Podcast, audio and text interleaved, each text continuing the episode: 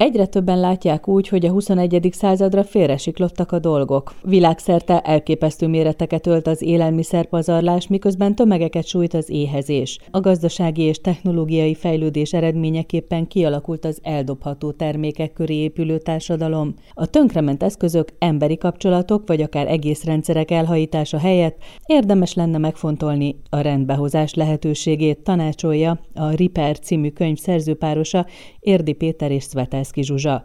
A könyv alcíme hogyan hozhatjuk rendbe az elromlott tárgyakat, kapcsolatainkat és társadalmunkat? Most Érdi Pétert először a könyv alapötletéről és születéséről kérdezem. Volt nekem egy előző könyvem, ugye a rangsorolás, és annak volt a bemutatója Budapesten a Fugán, emlékszem 2019. december 19-én, valahogy emlékszem a napra, és akkor láttam, hogy barátaim, akik egymásnak nagyon régi közeli barátai, 20 méter távolságra ülnek egymásra, többen is, és nem néznek egymásra. És ha kérdeztem, hogy mi van, ugye hát én Amerikában élek, nem látom őket gyakran, hát ja, ők összevesztek ezen és ezen.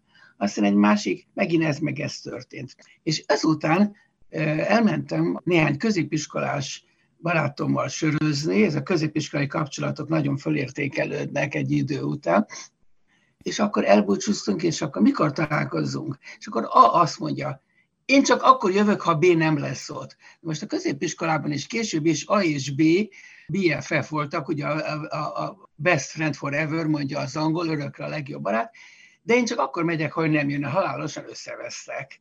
Akkor kezdtem gondolkozni, hogy ez így nincs rendben, nekem is volt valami zűröm, hogy itt kapcsolatok összetörnek. És akkor gondolkoztam, hogy tulajdonképpen nem csak a kapcsolatokat, hanem sok minden mást a világban meg kellene javítani. Mi lenne ez lenne a következő könyvem címe?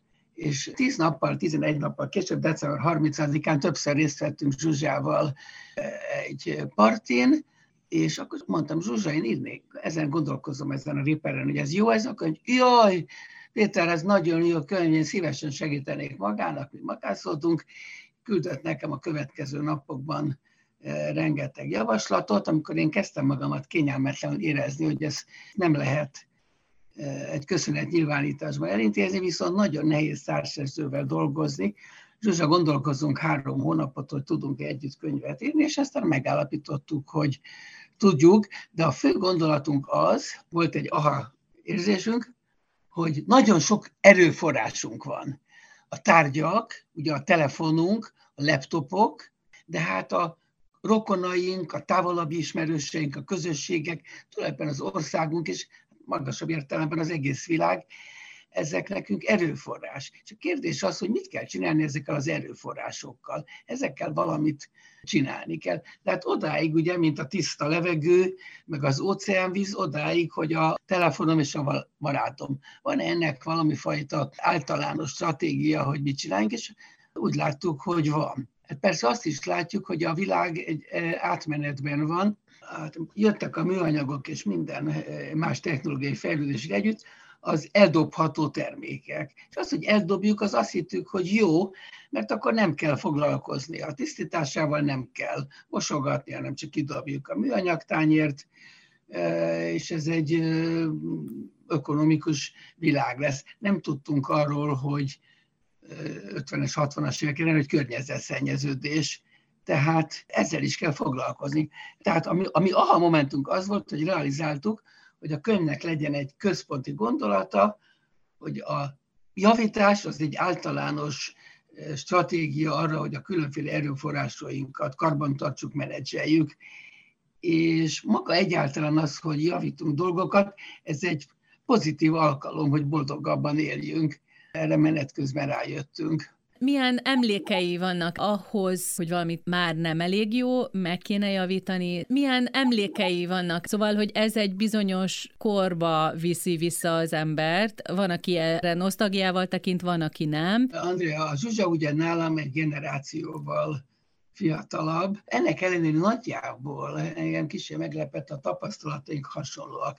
Most nekem a legerősebb emlékem is ezzel kezdem a könyvet, ez az Visegrádi utcában lévő Matuszka bácsi Schuster. Uh-huh. És amikor leveleztem, ugye Covid alatt született ez a könyv, tehát kiterjedten levelezkedünk egymással évfolyam társadalom, és kiderült, hogy mindenkinek volt egy kis susztere, minden 500 méter után volt egy másik kis suszterüzlet, egy 25-ös lámpa égett, esetleg volt egy segéd. Többen emlékszünk, hogy ezekben az üzletekben macskapisi szag volt, és ide gyakran jártunk, hát mi, én az 50-es években voltam a gyerek, minden fiú futballozott. A futball pedig nem szokott jót, futballozás nem szokott jót tenni a cipők állapotának. És akkor volt ilyen, hogy sarkalás, talpalás, ez nagyon, az volt a legdrágább, ugye a cipővasat ki kellett cserélni, de az nem merült fel, hogy új cipőt veszünk, általában volt egy nyári cipőnk, egy téli cipőnk, egy magassárú cipő, tehát bennem ez benne van, hogy meg mhm. kell javítani mindent. A másik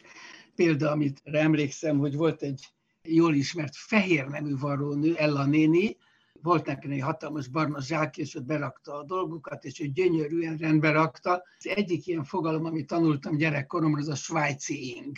A svájci ing az, az egy gúnyos fogalom, ugye az, az ingeknek a nyaka hamarabb kopik, mint a háta, és akkor az édesapám fehér ingét, amelyet ő ünnepli, vagy nagyon hivatalos alkalmakkor használt az elkopott, és akkor a hátából Ella néni kivágott egy anyagot, azt valami égtelen ronda barnával helyettesítette, és abból csinálta meg a, a gallért, amely akkor az újnak vagy újnak látszott. Tehát ez világos volt gyerekkorom óta, amit lehet, azt meg kell javítani.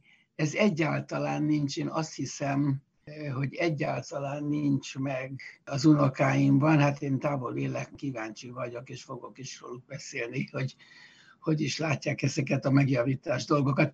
Persze az is lehet, hogy ma már nincs olyan sok alkalom a dolgokat megjavítani, és hát lényegében, amit láttunk, hogy itt volt az eldobás, vagy eldobó társadalom, hogy hogy is milyen a Throwaway society mi a helyes magyar fordítása, nem is tudom, kettős értelme van. Tehát, hogy eldobjuk a dolgokat, és hogy helyette meg kell javítani a dolgokat. Én azt hiszem, hogy ma már nem illik eldobni a dolgokat, legalább tudunk róla, és megkezdődött egy nagy kulturális változás. Én optimista vagyok, hogy a Ripper Society felé tartunk a könyvben szó esik olyan kampányokról, olyan mozgalmakról, törekvésekről, amelyek ezt célul tűzték ki, és ugye szóba kerülnek a közösségi irodák, a telekocsi és számos más ötlet. Gábor fiam, aki gyorsan követi a, a, az újdonságokat, most már azt hiszem a harmadik éve egy közösségi házban rendezte be az irodáját, és rájött, hogy ez sokkal jobb, és nagyon boldog, találkozik emberekkel is,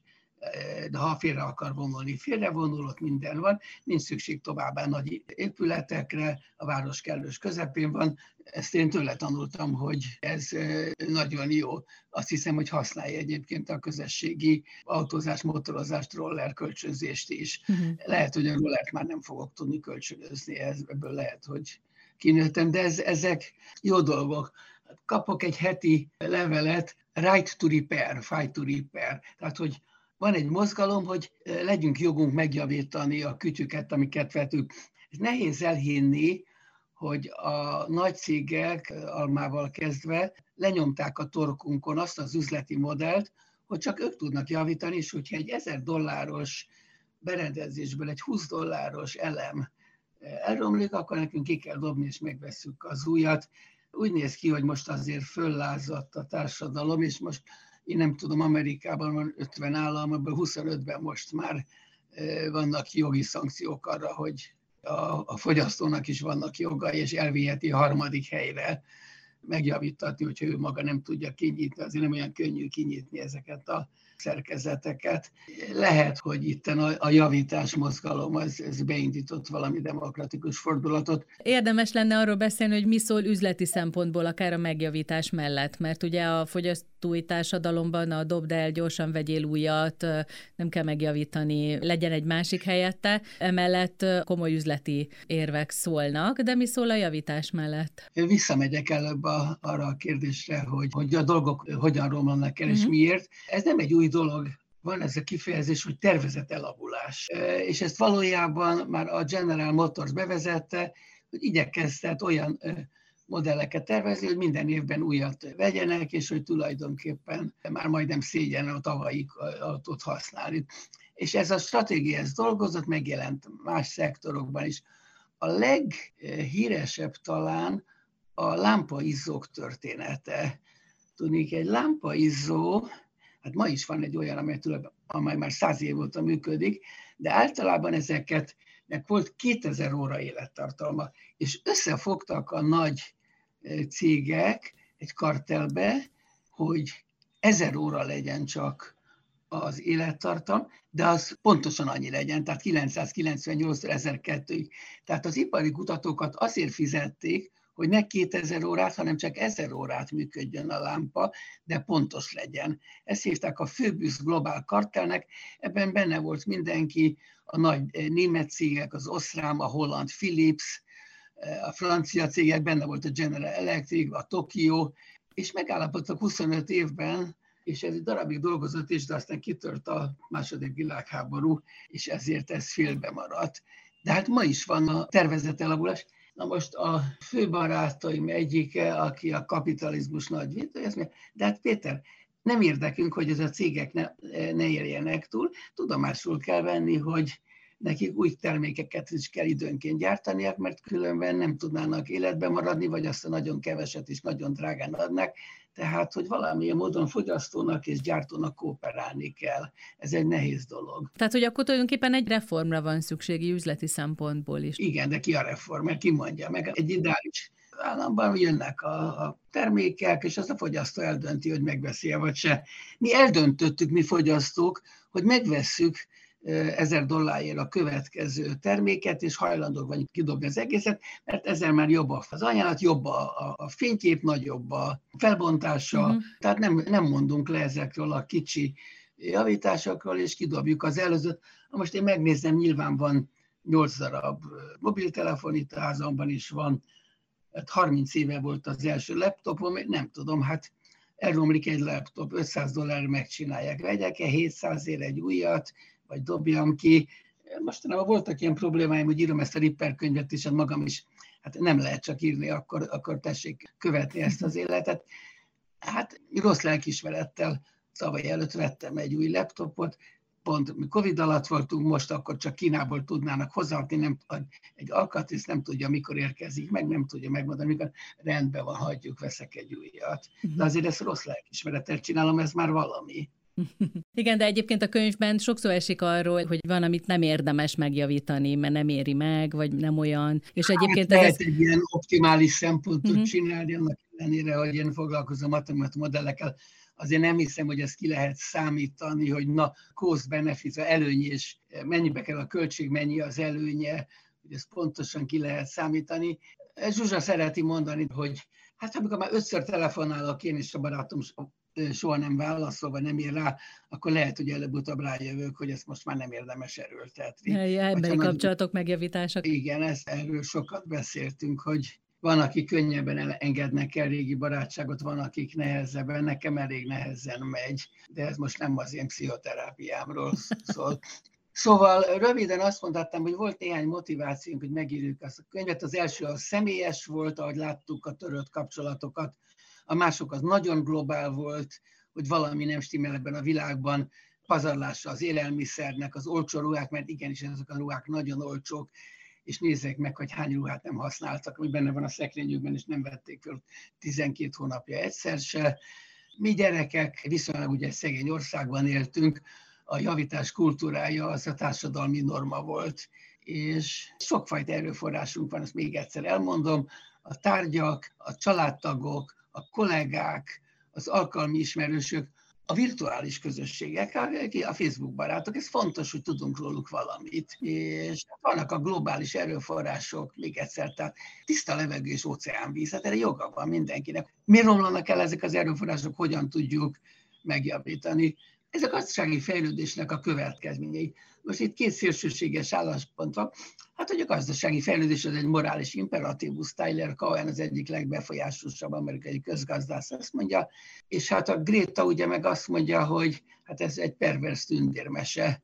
Ez a Greta egyébként érdekes, mert most 20 éves korára nem kell kimondanom a vezeték nevét, mindenki tudja Hmm. A szüleim korában, ha Grétát mondtak, az még Gréta Garbo volt az akkori színésznősztár. Tehát ő azért ezt elérte, hogy mindenki tudja, hogy mire gondol, és mit kellene csinálni. A társadalmak megjavításáról is szó van itt, és nagyon sokszor esik a történelemről, hogy azt hogyan értékeljük, hogy mi az, amit a múltból tanulhatunk, vagy arra építve megjavíthatunk. Erről egy kicsit meséljen, azt kérem. Egy Észak... dolgot szeretnék fölvenni, ami mostanában engem is foglalkoztat, és mindenki más.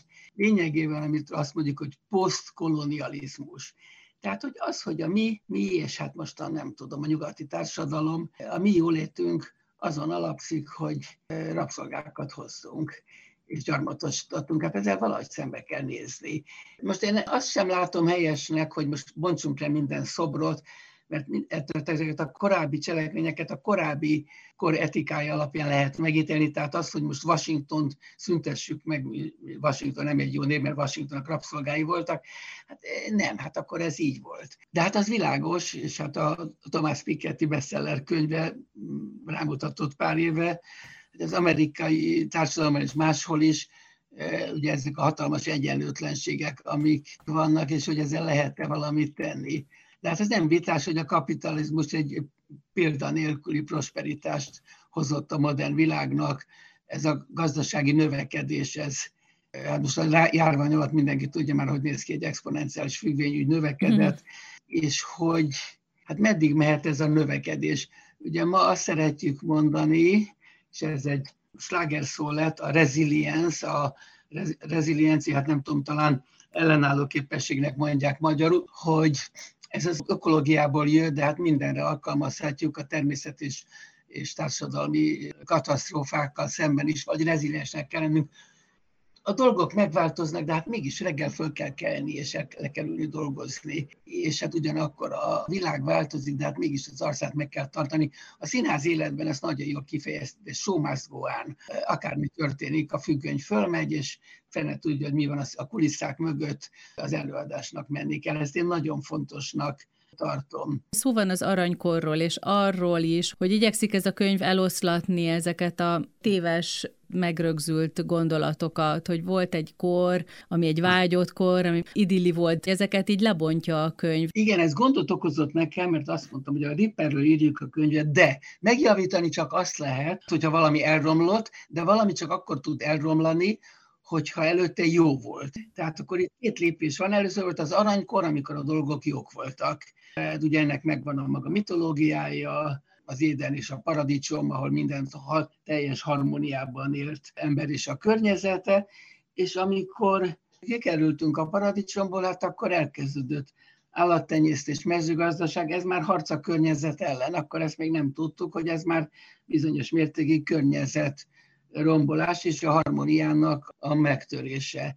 Hát volt aranykor, nem volt aranykor, a történelem nagyon szereti ugye Periklész az egyik, ugye aranykor az ógörög társadalom, és világos, ebben az időben gyorsabban fejlődött kultúra onnan van, a színház, a modern tudomány azokról az időkről, bizonyos hajózási elemek, szobrászat. Szokták mondani a holland aranykort, de most akkor azt mondják, hogy igen, de aranykor kinek? Tehát, hogy ez most csak a, a holland festészet aranykora, de hát közben ez rajta van, hogy ehhez mennyi vér tapad, de hát a dolgok elmúlnak, a történelem irreverzibilis, ezt nem lehet visszafordítani. Én itt Kalamazúban vagyok, ebben a gyönyörű Kalamazú College kampuszán, de hát tudjuk, ez valaha egy melyik indián törzseknek volt a helye. És ezt most minden nagyobb rendezvény előtt itt illik elmondani, hogy mi ezek lopott földön vagyunk.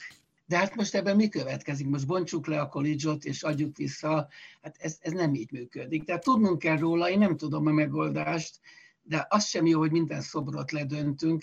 Nem tudom, az a Hillary Rhodes, hát most azt hiszem Fokvárosban lerombolták a szobrát. Hát neki volt egy képe. Az volt az illuzórikus képe, hogy épít egy vasútvonalat Fokföldtől, azt hiszem Alexandriáig, és hogy Afrikát Angliává teszi. Hát mostan ez teljesen történelmetlen volt, és hát földrajzilag ez lehetetlen, de ez nem egy elvetemült gonosz gondolat volt. Ez persze benne volt, hogy nem kérdezték meg az őslakóktól, hogy szeretnék-e, hogyha Afrika Anglia lenne. Érdi Pétert kérdeztem a Riper című könyvről, amely a Tipotex kiadó gondozásában jelent meg, és a könyvhéten holnap fél öttől még többet megtudhatnak róla.